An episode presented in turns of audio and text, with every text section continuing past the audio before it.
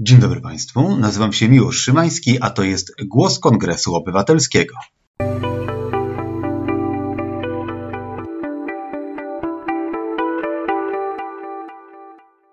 Moim gościem jest dzisiaj pan Janusz Piechociński, nauczyciel akademicki, były wicepremier, a aktualnie przewodniczący Izby Handlowej Polska-Azja. Dzień dobry. Dzień dobry.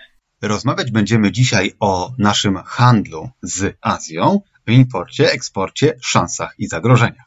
Panie premierze, chciałem pana na początek zapytać, jak to się dzieje, że kontynent, na którym mieszka ponad połowa ludzkości i który skupia prawie połowę światowej gospodarki, jest odbiorcą zaledwie 5,5% naszego eksportu? Powód jest prosty, bo jest najdalej, bo polska gospodarka to są przede wszystkim małe i średnie firmy, że startujemy z opóźnieniem spowodowanym wynikiem II wojny światowej i funkcjonowaniem w trochę innej rzeczywistości. I na początek y, to był czas otwarcia się gospodarki na rynek, na świat, na Europę. Przede wszystkim to był import, to były braki kapitałowe, to było pozyskiwanie wiedzy. Później rosło wraz z potencjałem i przyspieszyła wraz z wejściem do Unii Europejskiej e, nasza modernizacja i zmiana. Zmiana także postaw, przeszeregowania, odnajdowania się na nowych e, rynkach. No a dopiero później, kiedy już ta Unia Europejska i rynki Unii Europejskiej zostały poznane, zweryfikowane, dostał zdobyty określony potencjał, zaczęliśmy szukać e, nowych rynków, zaczęliśmy szukać nowych e, źródeł zasilania polskiej gospodarki, czy nowych źródeł importu, ale także zaczęliśmy szukać w tych krajach e, inwestorów.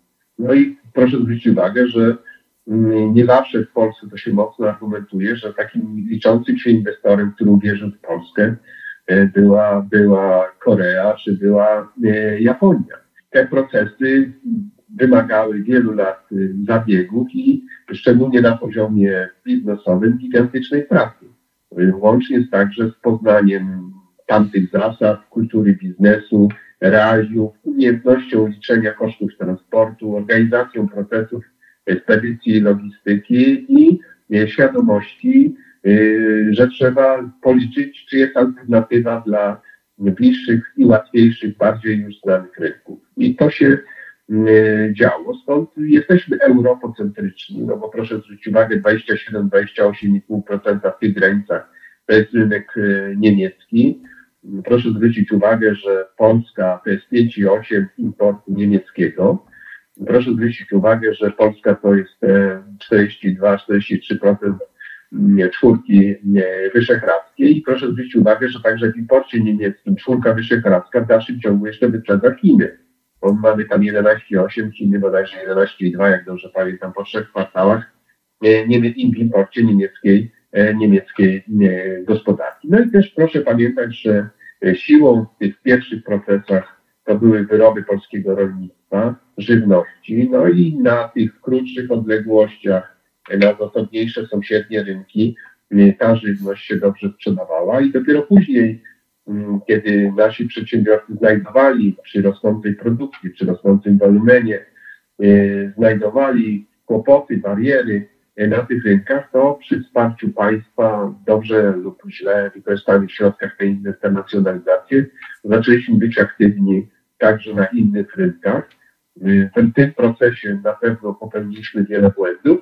W tym procesie nie zawsze dawaliśmy y, właściwą dla skali konkurencji wsparcie w rozliczeniach, ubezpieczeniach czy w obsłudze bankowej. Tego się po prostu uczyliśmy wzajemnie. I polska polityka, i polska administracja, i polski biznes. Skoro eksportujemy do Azji głównie płody rolne, a importujemy niemal wszystko, to co my właściwie możemy zaproponować Azji? To co my właściwie możemy jeszcze eksportować do Azji? Z Azją mamy głęboki deficyt. Z Europą mamy nadwyżkę handlową. E, e, pamiętajmy o tym, że trzeba było aż kilkunastu lat, w roku 2012 w Warszawie na Zamku Królewskim powstała inicjatywa 16, ale dopiero od zeszłego roku 6%, przekroczyliśmy 5% w eksporcie wyrobów mlecznych, to jest y, eksport do Chin. Nie udało nam się tego niestety w jabłku. Z wielu powodów, bo Chiny to jest największy w świecie producent jabłka e, i mosztu jabłkowego. tutaj jesteśmy też konkurentem. Ale często bywa tak, że nawet konkurenci, także kapitał chiński, kupuje polski moszcz. E, dlaczego? Dlatego, że jest e, szczególnej jakości, a przede wszystkim szczególnego, e, szczególnego smaku. Ostatnio na te problemy w eksporcie ma wpływ to, co wydarzyło się w branży mięsnej, a więc ASF czy ptaków. To są takie wydarzenia fitosanitarne, sanitarne czy weterynaryjne, mają także w obszarze produktów rolnych określone kłopoty. To jest także różne modele certyfikacji, różne wymogi, jeśli chodzi o zawartość produktów, sposób produkcji. No choćby Chiny wymagają, aby kosmetyki były weryfikowane na zwierzętach. Unia Europejska i dalsza część krajów Zachodu nie akceptuje tego, e, tego mechanizmu, co w praktyce utrudnia wielu polskim firmom e, wejście na tamte rynki. No i oczywiście dochodzi do tego jeszcze to, że mamy te nowe produkty w zakresie eko, ale jesteśmy także producentem coraz częściej różnego rodzaju elementów. Także sprzedajemy tam meble, także sprzedajemy tam kosmetyki w Azji, także tam różne y, elementy techniki, y, na przykład y, choćby sprzęt techniki rolniczej czy przetwórstwa owocowo-warzywnego. No i pamiętajmy, że na to pytanie najlepiej odpowiedzieć, kiedy wyjmujemy po prostu Excel z konkretnym krajem i patrzymy, co się sprzedaje do Chin, co się sprzedaje do Japonii, co się sprzedaje do Korei, co i dlaczego, jakim krajem sprzedaje się w Australii, a co sprzedaje się w Arabii Saudyjskiej czy Emiratach Arabskich E, czy też w krajach byłego Związku Radzieckiego. A co najlepiej sprzedaje się z polskich produktów w Azji? Polskie wyroby przemysłowe, polskie dobra inwestycyjne, e, bardzo dużo różnych wyrobów chemicznych, chociaż tutaj jesteśmy olbrzymim importerem z tych krajów półproduktów. E, I oczywiście mm, elementy tej nowej generacji produktów, czyli oświetlenia, OZE, E, technika wentylacyjna. Już polskie przedsiębiorstwa, w zależności od rynku, osiągnęły tutaj określony potencjał rywalizacji. Szkoda, że jeszcze za tym nie idzie, ale to jest dopiero przed nami. Eksport naszych usług budowlanych i aktywność nasza właśnie w sektorze e, budowlanym. Tym bardziej, że Polska, polskie firmy osiągnęły tutaj i zarejestrowane w Polsce firmy kapitału obcego osiągnęły tutaj już bardzo wysoki poziom technologiczny i mamy się w tym obszarze czym dzielić także z krajami Azji. Kiedy myślimy o rynkach azjatyckich, to oczywiście pierwszym skojarzeniem są Chiny. Jednakowoż to, czego możemy na pierwszy rzut oka nie dostrzegać, to to, że gigantyczne środki inwestuje u nas Korea Południowa, budując u nas swoje fabryki, montownie sprzętu elektronicznego, samochodów i nie tylko. Czy jest jakaś realna szansa na to, że nasza współpraca z inwestorem takim jak Korea Południowa może wejść na wyższy poziom niż tylko stawianie takich fabryk? To relacje są 1 do 6, eksport-import, tak ostatnie lata. Chociaż y, z Koreą jest to pewna specyfika. Dlaczego? Dlatego, że dzisiaj już Koreańczycy są bardzo zaniepokojeni spadkiem finalnych produktów konsumpcyjnych w eksporcie do Polski, a znaczna część właśnie importu z Korei polskiego, to są elementy zaopatrzeniowe. Przy czym tu następuje głęboka zmiana. Tak jak kapitał koreański wchodził w produkcję AGD w Polsce, czy telewizorów, to poza opakowaniami, poza jakimiś podstawowymi elementami, wyciszaczami, na przykład w lodówce czy pralce, wszystkie pozostałe elementy były importowane. Po czym okazywało się, że powstawały dodatkowe firmy uzupełniające ten te kwestie mm, części podzespołów czy kom, y, komponentów i nie tylko kolejnych firm koreańskich, ale wraz ze wzrostem montażu także y, zasysano dostawców polskich. W związku z tym dzisiaj ten import w wykonaniu LG czy tego typu firm jest, ma zupełnie inny charakter. Po drugie, Koreańczycy mają taką filozofię, że po wejściu głównego tego swojego czebola E, międzynarodowego. Następuje później pogłębienie i przychodzą kolejne firmy, często z e, tego samego właściciela, ale z oddzielnej firmy i na przykład w sektorze automoto w wyniku inwestycji następuje poszerzenie tego komponentu, który produkuje się w Polsce. Tak, mimo że nie ma montowni samochodów koreańskich w Polsce, to montownie samochodów koreańskich są w krajach na południu od Polski ale Polska jest dostarczycielem większości części podzespołów i elementów. I uwaga, to nie tylko korzystają na tym firmy kapitału koreańskiego, ale także znaczną część tych dostaw realizują firmy kapitału polskiego, w tym bardzo wiele firm rodzinnych, które wyspecjalizowały się w niektórych pozornie drobnych, ale jakże ważnych y, elementach. To jest jeden obszar spraw. Drugi obszar spraw to jest właśnie ta nowa fala inicjatyw ze strony koreańskiej. Wchodzą w wykonawstwo i to jest nie tylko budowlane, to jest nie tylko jeśli chodzi o Hyundai Engineering, y, czyli propyleny w północno-zachodniej Polsce, to są także budowy zakładów utylizacji odpadów i przynoszenie nowej technologii. Wiosną tego roku obsługiwaliśmy firmę koreańską, która chciała w Polsce uruchomić montaż finalny e, ładowarek do samochodów elektrycznych, tylko ze względu na sytuację wewnątrz Korei, bo ta firma ma być kupiona przez LG Chem, decyzja jeszcze finalna nie, nie zapadła. Druga bardzo istotna kwestia oczywiście, e, no to co zrozumiałe, partner koreański, inwestor koreański ma swój scenariusz. My powinniśmy, widząc jego scenariusz, pokazywać, jaki scenariusz także z naszym udziałem chcielibyśmy razem realizować. Na co stawiamy na przykład? Czy jest możliwe współpraca w zakresie prac naukowo-technicznych? Czy jest możliwe współdziałanie w zakresie wspólnych przedsięwzięć? Czy Korea jest gotowa także w niektórych obszarach na inwestycje polskiego przemysłu? Już są takie obszary, tak? W związku z tym jakby patrzmy na to właśnie w takich kategoriach, że na zainteresowanie inwestora z każdego kierunku trzeba złożyć odpowiednią ofertę. No bo proszę zwrócić uwagę, choćby centrum dla Amazona, który ma 10 centrów logistycznych w Polsce, jest y, lotnisko w Niemczech, a nie lotnisko w Poznaniu, nie lotnisko w Łodzi, czy lotnisko we Wrocławiu. A my tutaj mamy wielkie plany, że zaistniejemy na rynku przewozów lotniczych dopiero wtedy, kiedy zbudujemy centralny port y, komunikacyjny. No być może wtedy będzie po prostu za późno y, na to, żeby zrealizować, bo ostatnio koncepcja się zmienia. Być to nie tylko port pasażerski, ale przede wszystkim właśnie w obsłudze logistycznej y, produktów czy usługi cargo. Więc jakby, jak wiemy, Chińczycy największa inwestycja zielonych pól przez lata w Polsce to były centra handlowe, właśnie to GD Poland w Polsce Kosowskiej. Później było kilka przejęć i e, finalnego montażu, a teraz jest e, olbrzymie zainteresowanie wchodzeniem kolejnych fali firm z sektora e-commerce, no właśnie w obsłudze. Ale teraz pamiętajmy o tym, że za chwilę pojawi się ślad węglowy na granicach Unii jako mechanizm ochrony nie tylko środowiska, ale ochrony produkcji. W związku z tym dzisiaj inwestorzy z Azji z wielką uwagą obserwują politykę Komisji Europejskiej i podpisywane dyrektywy czy rozporządzenie, na przykład ostatnie rozporządzenie, które wkrótce wejdzie w życie o e, bateriach i utylizacji baterii.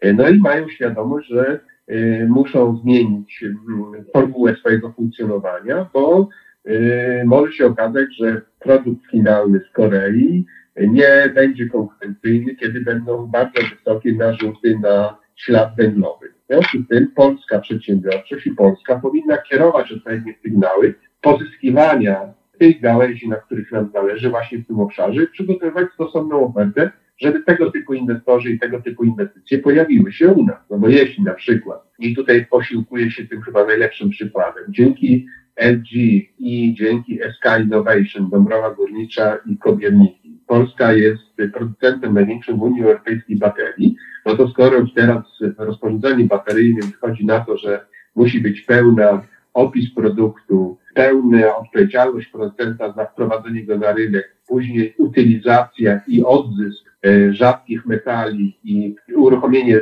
specjalnej, selektywnej zbiórki, aż do finalnej utylizacji, to przepraszam bardzo, kraj, który jest numerem jeden w Europie, natychmiast powinien wyczuwać szansę i kłaść na stole propozycje także ze strony polskich firm rodzinnych, firm polskiego kapitału, terenów pogórniczych, etc., etc., to na przykład na oddzielne, pełne e, przedyskutowanie, żeby było tak, że mamy tutaj, jesteśmy tutaj w tym zakresie w ramach gospodarki obiegu zamkniętego, nie tylko samowystarczalni dla swoich baterii, które będą na terenie Polski funkcjonowały, ale jesteśmy na przykład dla regionu czy dla Skandynawii, możemy być takim utylizatorem oczywiście przy najwyższych standardach odzysku, y, wymagań środowiskowych dla wschodnich Niemiec czy całej Europy Środkowo-Wschodniej. I to może być y, znowu taki jeden z priorytetowych polskich wyroczników na mapie unijnej gospodarki. A propos unijnej gospodarki, często Pan podkreśla, że 32% potencjału transportowego branży transportowej unijnej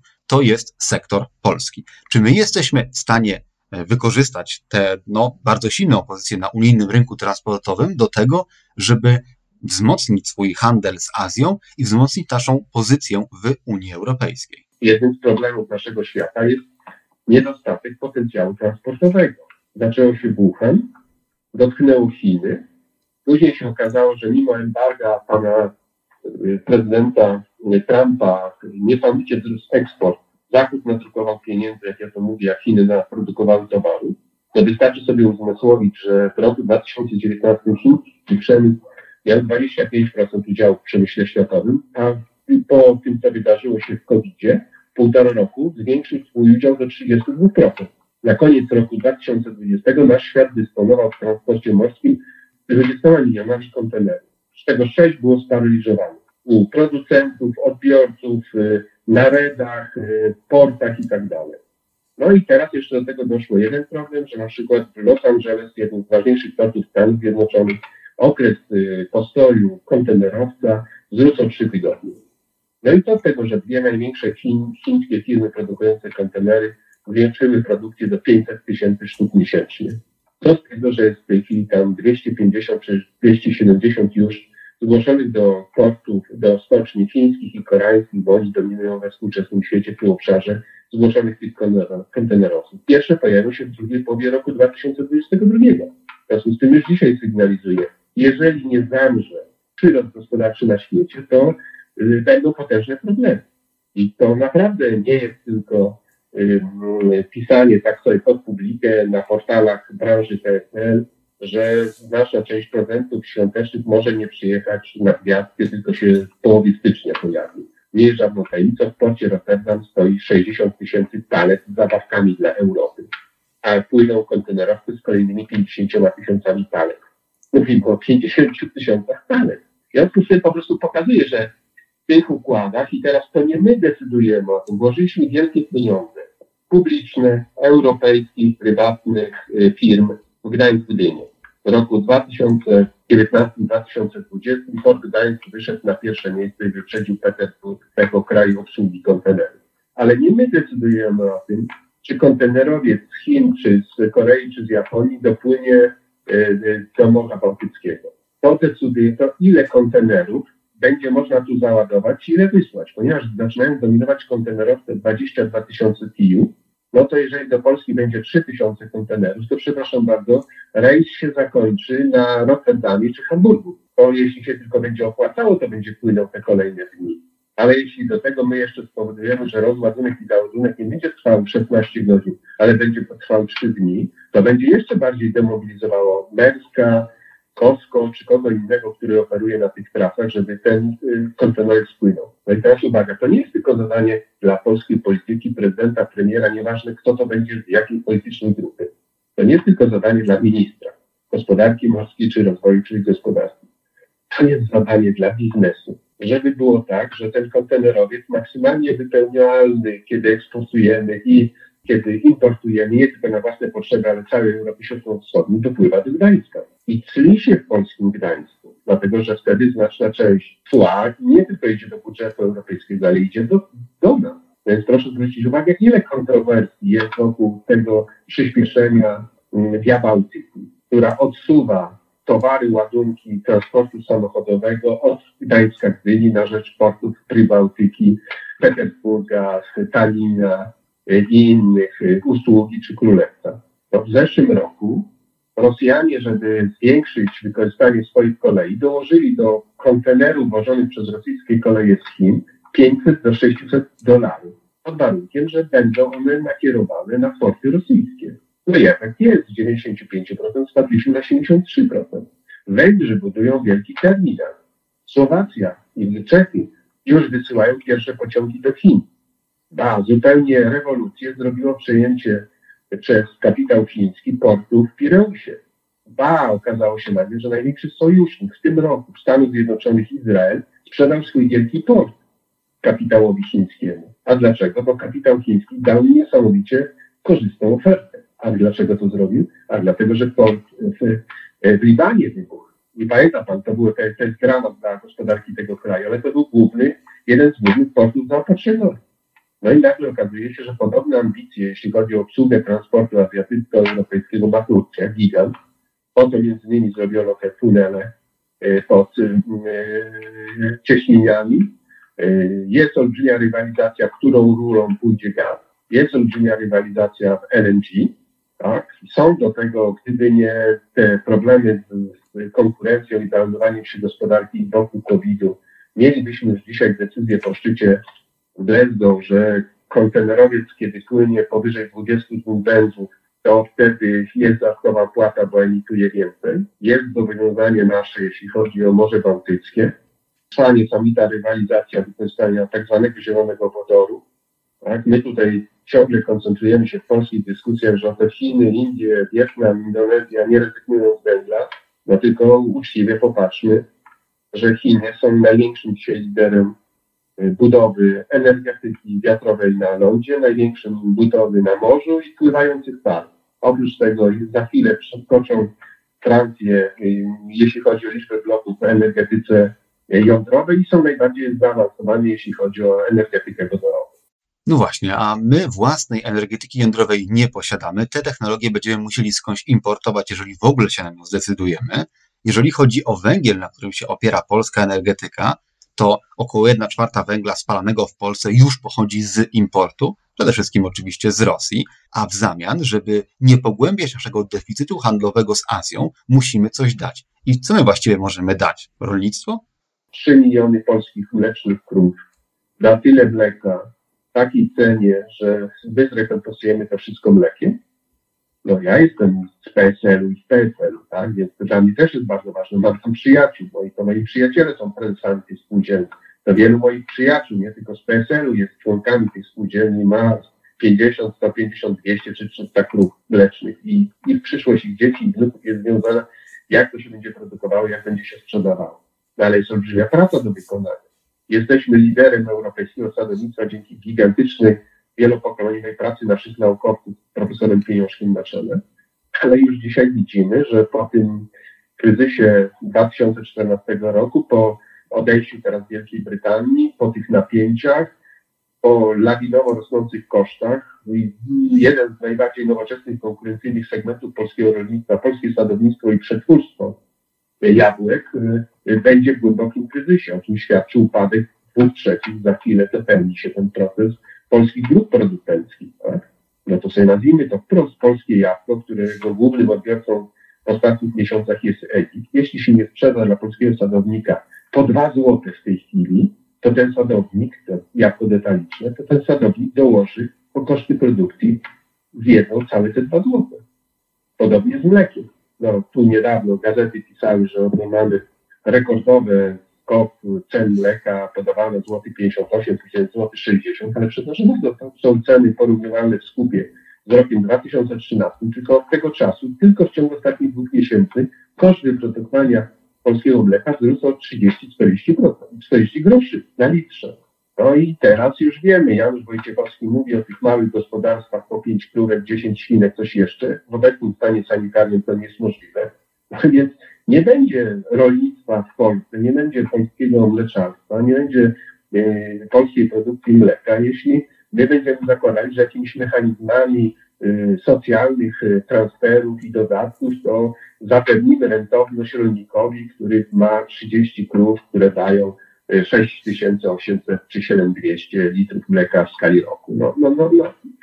Ludzie no, przestali słuchać tego typu bełkotu i tak gadania. W związku z tym nie wolno zaniedbać rolnictwa wysokotorowego, wysokoprodukcyjnego. Oczywiście trzeba pomnażać dorobek w rolnictwie ekologicznym i tak dalej, no ale powiedzmy sobie wprost, zdecydowana większość, większość polskich konsumentów marzy o y, produkcie ekologicznym pochodzącym z polskiego rolnictwa, ale chodzi do dyskontu i kupuje kieszenią. I liczy się cena jajka, nie to, czy na pewno jajko jest, jest od tej wspaniałej kurki, która w małym statku je y, tylko naturalne pasze na przykład. Więc po prostu pokazuje, że także w tych relacjach z Azją no, no, wykorzystujemy każdą szansę, każde miejsce.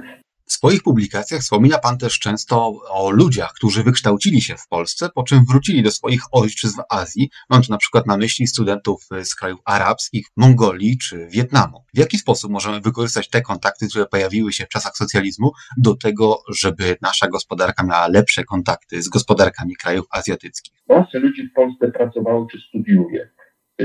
I dlatego powinniśmy rozszerzać współpracę naukową, uczelnianą polski biznes, który przymierza się do ekspansji do biedniejszych krajów Azji, typu Azja Centralna i tak dalej, musi mieć świadomość, że musi się otworzyć na nową formę współpracy, na przykład tworzenia stypendiów dla studentów albo praktyk, że dzisiaj nie wystarczy tylko pojechać i powiedzieć, my chcemy sprzedać, bo coraz częściej także i z tych krajów będziecie słyszeli jedno, nie, my nie chcemy kupować, zainwestuj u nas, produkuj, kup od nas, to wtedy my cię wpuścimy.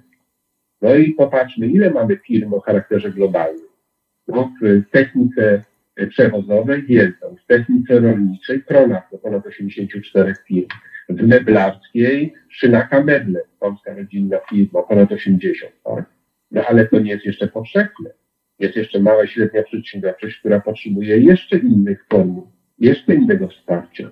Więc jeżeli chcemy wejść na przykład z polską produkcją e, leków weterynaryjnych, farmaceutycznych, techniki rolniczej czy techniki przetwórstwa owocowo-wyżernego, to przepraszam bardzo, trzeba założyć bank albo wejść, opisać porozumienie z bankiem w danym kraju i trzeba uruchomić leasing, żeby opłacało się y, Pronarowi otworzyć stałe przedstawicielstwo i stały serwis, a bez tego nie utrzyma się tam na rynku, to nie może sprzedawać rocznie 50 przyczep do zbioru bawełny, tylko 500 przyczep do zbioru bawełny. No to są, to są po prostu, to, i, to, i to nie jest tylko zadanie dla moich przyjaciół pronarzy, dla prezesa, który otrzymał niedawno w Rzeszowie od prezydenta nagrodę, jest pierwszej, są w pierwszej setce, są drugim producentem światowym. Pęd do wielkogabarytowych kół i tak dalej, i tak dalej. A dzisiaj mają 8 zakładów i 3,5 tysiąca e, pracowników i w Siemiatyczach jest największa stała ekspozycja. Wystawowa wszystkich typów, które produkują urządzeń i maszyn obok jest lotnisko, na którym można wylądować albo wystartować do swoich partnerów. Więc, ale to są, to są nieliczne firmy. My ciągle jesteśmy w zderzeniu z wielkim światowym biznesem, w którego następuje koncentracja, jeszcze takim swoistym, nie najuboższym, ale jednak biedniejszym, młodszym bratem. Znaj swoje siły i dlatego ucz się działać razem, Y, miej świadomość, że jeśli jesteś dobrze przygotowany w negocjacjach, jeśli rozumiesz partnera, jeśli on da jeden, ty jeden, to nie jest zwykła matematyka. To w sukcesie może być nie dwa, to może być trzy i cztery. Ale jeśli popełnisz błędy, to jeden plus jeden okaże się zero. Więc trzeba się do tego odpowiednio przygotować. To jest także zadanie dla naszego szkolnictwa, że trzeba inaczej uczyć przygotowania do biznesu. I ze smutkiem patrzę na to, jak coraz częściej coraz częściej ludzie studiują etykę biznesu, a nie biznes. No bo etyka biznesu jest łatwiejsza. Albo zakładają, że w dalszym ciągu kształcimy na, licznie na kierunku zarządzania i marketing. No bo to jest ponoć najłatwiejsze. Zarządzać i marketingować. Tak. Więc, więc po prostu pokazuje mi już o tym, że no, w wyniku także moich działań staliśmy się y, wielkim y, usługodawcą w zakresie zaplecza e-commerce. No dlaczego w tej chwili polski system magazynowy przebił 23 miliony metrów kwadratowych, w dalszym ciągu jest w budowie 3,6, a szacuje się, że w Europie do 2025 roku powstanie 25 milionów nowych powierzchni magazynowych. Ku zdymieniu kilku ośrodków szacunkowych bardzo często mówi się, że minimum 40, a może nawet 50% to będzie Polska. Otóż ja jadę we wtorek do Słubic, gdzie w ciągu 20 lat wyrosła cała lawina zaplecza świetnie przygotowanych centrów logistycznych, które obsługują, rozpakowują, pakują, a po czym wysyłają przesyłki. Tak? I twierdzę, że w ciągu pięciu lat, nie w ciągu dwudziestu, tak jak to było wzdłuż zachodniej granicy, jeśli polityka i dyplomacja zimnowojenna nie, nie zepsuje tego, to będziemy mieli podobnie przy najważniejszych przejściach granicznych ze wschodem.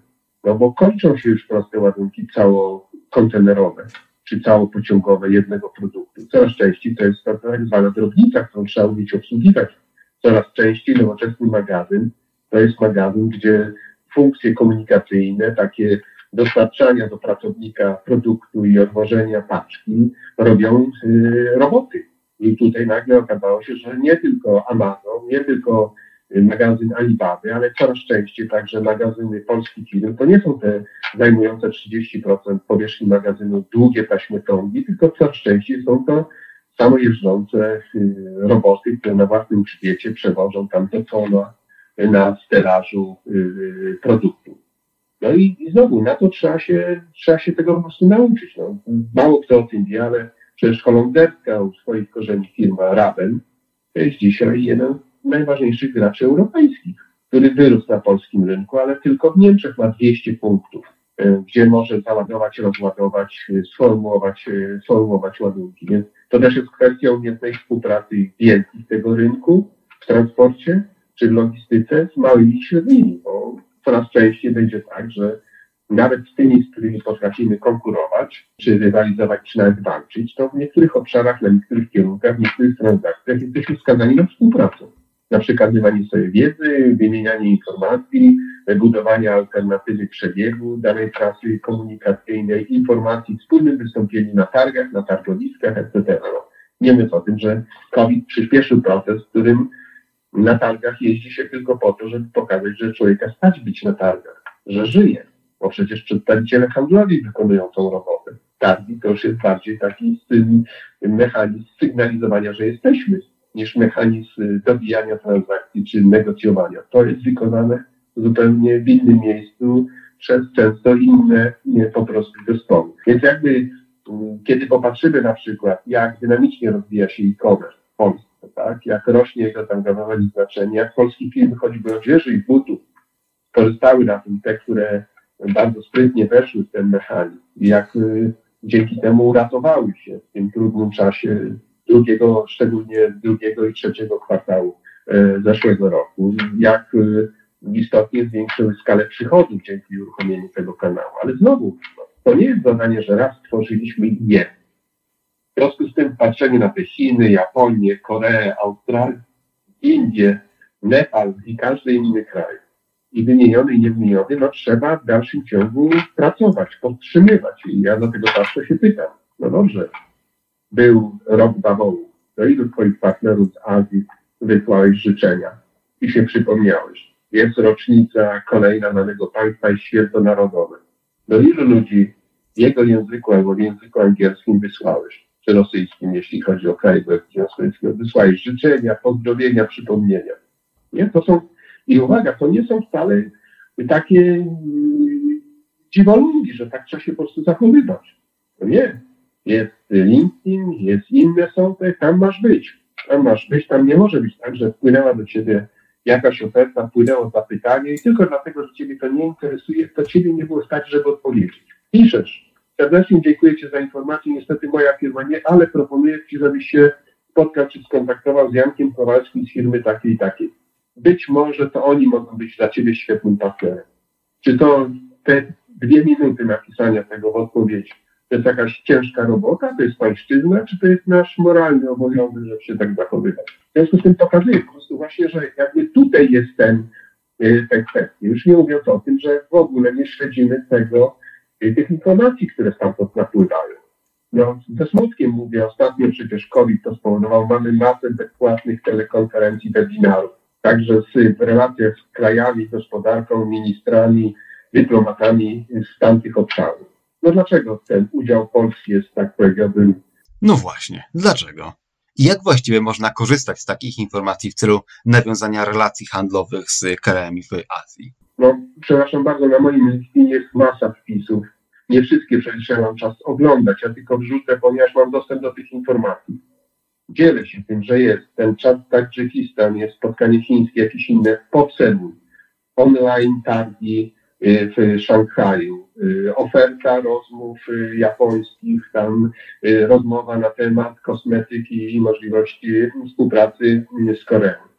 No i co? I później okazuje się, że po stronie polskiej jest 10-20 przedstawicieli.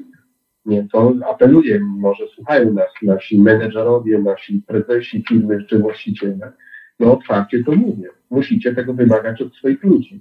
To jest robota. Nie dać się zapomnieć, przypomnieć się. No jest mikroczas czasie euro spotkania z gospodarką kazachską czy uzbecką. Przepraszam bardzo, ja jako prezes Izby Polska Azja po rosyjsku wysyłam 64 prezentacje polskich firm członków Izby. szok po tamtej stronie. Tak?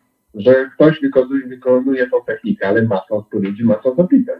Naprawdę macie taką ciekawą ofertę, co jeszcze można i tak dalej, i tak dalej. No więc suma wszystkich działań, dobrze przemyślany, nieodpuszczanie każdej okazji, żeby dobrze i przyjaźnie powiedzieć o wzajemnych relacji, wskazać, co można zrobić lepiej. Sygnały o tym, że między nami nie ma, szczególnie z krajami Azji, żadnych tam historycznych napięć i tak dalej, że jesteśmy bardzo normalnie otwarci na współpracę. Wyszukiwanie w, w, w historii, w tradycji dotychczasowych kontaktów tego, co się udało, żeby od czegoś zacząć rozmowę. Tak? No bo bardzo często jest tak, że trzeba to rozumieć, że Azja wymaga też innego sposobu i kultury rozmowy. Pierw trzeba pokazać, kim się jest, kogo się zna, kto się rekomenduje. Nie od razu, tak jak z ludźmi zachodu Europy, krajów y, bliższych nam kulturowo, natychmiast i nerwowo przechodzić do negocjacji. To też jest kwestia używania odpowiednich słów. Ja do końca życia nie zapomnę, jak się zachował ważny dyrektor, kiedy prezes spółki giełdowej powiedział, że dzięki panu premierowi przyjechaliśmy do was, bo wiemy, że możemy tanio kupić. On kiedy w Chinach to było, kiedy on słyszał tanio kupić, zamknął natychmiast y, y, komputer i zwrócił się do córki właściciela, która ojca reprezentowała, że w sąsiedniej prowincji była firma, która tanio sprzedawała do roku i zbankrutowała, w związku z tym on y, odmawia dalszej rozmowy. No i 15 minut polski Chińczyk musiał przekonywać ich, żebyśmy wrócili do dyskusji, a prezes spółki giełdowej musiał się nauczyć, że on chce korzystnie kupić. Pokazuje tutaj po prostu, że diabeł tkwi w szczegółach i tego nie da się tylko telefonami, wideokonferencjami, czy wizytami prezydentów, premierów, czy ministrów, czy aktywnością ambasadorów i konsuli ekonomicznych zrobić, to musi być gigantyczna wspólna codzienna, taka szara, często żmudna robota, no bo w relacje nie tylko z Azją trzeba zainwestować swoje pozytywne emocje, swój czas, swoje kompetencje, swoją wiedzę.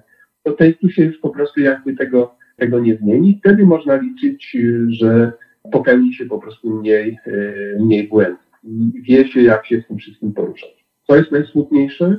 Najsmutniejsze jest to, że stoimy przed prognozą, że najbliższy rok będzie równie trudny jak pierwszy rok pandemii, że będą kolejne ograniczenia, embarga, możliwości bezpośrednich spotkań tradycyjnych przyjazdów. W związku z tym tym bardziej trzeba wykorzystać, chociaż to nie daje wszystkiego jak bezpośredni kontakt. On daje też i bez niego się wiele rzeczy nie da zrobić. Trzeba wykorzystać właśnie te sprawdzone już metody webinarów, telekonferencji, czy wykorzystania potencjału diaspory azjatyckiej, e, azjatyckiej w Polsce. Zwracam uwagę, że to się wiele zmieniło. Ja obserwuję od dwudziestu kilku lat e, e, centra handlowe tradycyjnego handlu chińskiego, wietnamskiego czy tureckiego w Gmince Kosowskiej, gmina Nowola moja gmina pod Warszawą i olbrzymia większość firm, które tam są, już dzisiaj wie, że na eksporcie polskich produktów marża jest wyższa niż na imporcie produktów z ich krajów. W związku z tym te tendencje też trzeba wykorzystać i mało kto o tym wie, ale poprzez pocztę lotniczą więcej mleka z proszku sprzedaje diaspora chińska i wietnamska e, niż zlokowane na terenie Polski e, firmy produkcyjne kontenerami. W związku z tym szukajmy nowych produktów, szukajmy nowych kontaktów, szukajmy nowego rodzaju usług, no i miejmy świadomość, że internacjonalizacja, kiedy jesteśmy silnie osadzeni w wiedzy, w kompetencjach, ale także reprezentujemy to, co w polskiej tradycji, w polskiej idei, w polskim patrzeniu na życie sprawdziło się przez wiele dobrych lat, nie tylko dla polskiej gospodarki, nie jest y, tylko zagrożeniem, ale jest szansą. Otóż będzie coraz trudniej mówić o działaniu, które jest tylko szansą. Każde działanie będzie niosło za sobą także ten drugi czynnik, w związku z tym do ludzi aktywnych, kompetentnych, odpowiedzialnych apeluję, żeby byli liderami procesu kolejnej fazy internacjonalizacji polskiej gospodarki i polskiego społeczeństwa z krajami i Unii Europejskiej, i najbliższego otoczenia Unii Europejskiej, ale także reszty świata. I w tym miejscu możemy płynnie przejść do pytania o to, jakie największe zagrożenia Pan dostrzega dla rozwoju polskich relacji handlowych z krajami azjatyckimi tylko Polska, ale cała Europa musi znaleźć odpowiedź na tę narastającą rywalizację między dwoma największymi potęgami. czyli między Chinami a między Stanami Zjednoczonymi. I teraz proszę zwrócić uwagę, polecam tutaj bardzo częste publikacje w tym zakresie na stronach, na portalu Instytutu Zachodniego z Poznania, który szczególnie wiele robi, aby upowszechniać e, niemieckie rozważania, decyzje i dyskusje na ten temat. Warto się e, uczyć, e, jak to analizują Niemcy, choćby z prostego powodu znaczna część polskiego eksportu do Azji finalnym produkcie idzie poprzez Niemcy, bo my jesteśmy jednym z głównych dostarczycieli surowców, podzespołów czy komponentów. W związku z tym patrzmy na to, że w tych 28-29% naszego eksportu do Niemiec Niemcy wykorzystują znaczną część tych produktów i eksportują z powrotem do, tym razem do Azji. Więc y, żeby nam po prostu te kanały dystrybucji y, gdzieś nie uciekły. Dzisiaj największym zagrożeniem to jest to narastająca niepewność i napięcie. Jak to będzie? No bo z jednej strony już w erze Trumpa, ale i dzisiaj Y, mamy rosnące napięcia, mamy podjęte decyzje na poziomie Stanów Zjednoczonych, Komisji Europejskiej, ale i Chin o samowystarczalności technologicznej, no po to, żeby nie ulegać szantażowi czy braku dostaw, y, zagrożeniom bezpieczeństwa, no choćby to, co Amerykanie ostatnio przecież zrobili we wrześniu, zwrócili się do wszystkich producentów szeroko pojętych chipów, także do krajów Azji, z prośbą o to, żeby kanały dystrybucji zostały podane. I wszyscy ci producenci, a to przypomnę, to jest Korea, to jest Japonia, to jest Tajwan, administracji Bidena te materiały dostarczyli. Tak? No, mało się o tym w Europie mówi, a szkoda, bo my jesteśmy na etapie kłótni, w koło kupimy albo nie kupimy technologię 5G, podczas gdy Chiny już wdrażają technologię 6G. Ale technologia 6G w tej atmosferze napięć dyplomatycznych, politycznych, militarnych, ekonomicznych to doda pikanterii, dlatego że tam nośnikami sygnału są satelity. No to teraz sobie wyobraźmy, czy Ameryka Bidena, czy Chiny Xi zezwolą, żeby na niskich poziomach latające satelity upowszechniały usługę w oparciu o 6G. no, łatwo sobie wyobrazić, co się będzie wtedy, co się będzie wtedy, wtedy e, działo. Więc jakby tego problemu na pewno nie rozwiążemy, nie rozwiążemy my sami Polacy, ten problem musimy rozwiązywać w ramach Unii Europejskiej. E, musimy to robić bardzo rozsądnie i bardzo pragmatycznie. A tutaj różne kraje unijne mają różne postawy. Na przykład Węgry, a po przeciwnym części w stosunku do Chin są na przykład jest Litwa. Napięcia, tak, takie polityczne i dyplomatyczne. Warto więc po prostu to zrobić, więc warto przeczytać choćby strategię europejską dla Indo-Pacyfiku warto przeczytać dyskusję niemiecką i wskazanie, jak to zapisał rząd niemiecki. Warto przeczytać, pani kanclerz Merkel miała w tej sprawie, przecież była główną promotorką tak zwanej tej umowy inwestycyjnej, która w pewnym momencie znalazła się na półce, tak? Warto poczytać, jak do tematu podchodzi największa niemiecka izba azjatycka w Chinach. To jest bardzo dużo i w języku niemieckim, i w języku angielskim mm, wypowiedzi, słów, analiz, y, warto się z tymi zapoznać, no i warto też śledzić portale Komisji Europejskiej w tym zakresie, bo choćby ostatnie wypowiedzi ministra spraw zagranicznych Europy, komisarza Borela, tak?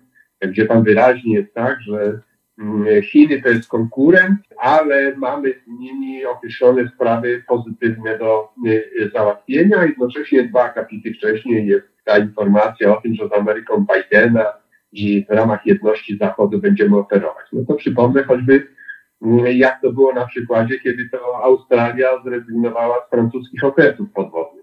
Ile e, żalu, ile cierpkich słów i, i zapowiedzi odwetu między Macronem a premierem Australii, nie, Australii nie, wystąpiło. Więc to wszystko trzeba bardzo spokojnie analizować i tu Polska powinna patrzeć na naszych największych partnerów politycznych i gospodarczych w Unii Europejskiej, patrzeć na Komisję Europejską i, i pokazać bardzo olbrzymi pragmatyzm i racjonalizm.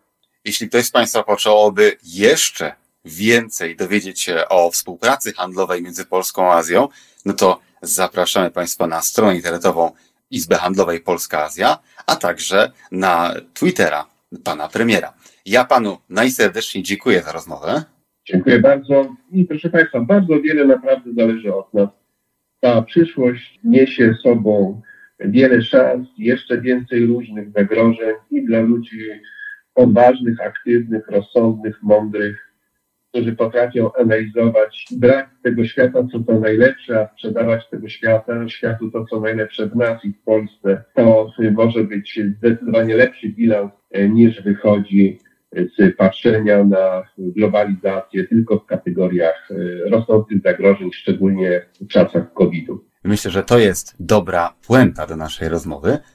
Moim gościem był dzisiaj pan Janusz Piechałciński, były wicepremier, a także prezes Izby Przemysłowo-Handlowej Polska-Azja. Dziękuję bardzo. Do spotkania.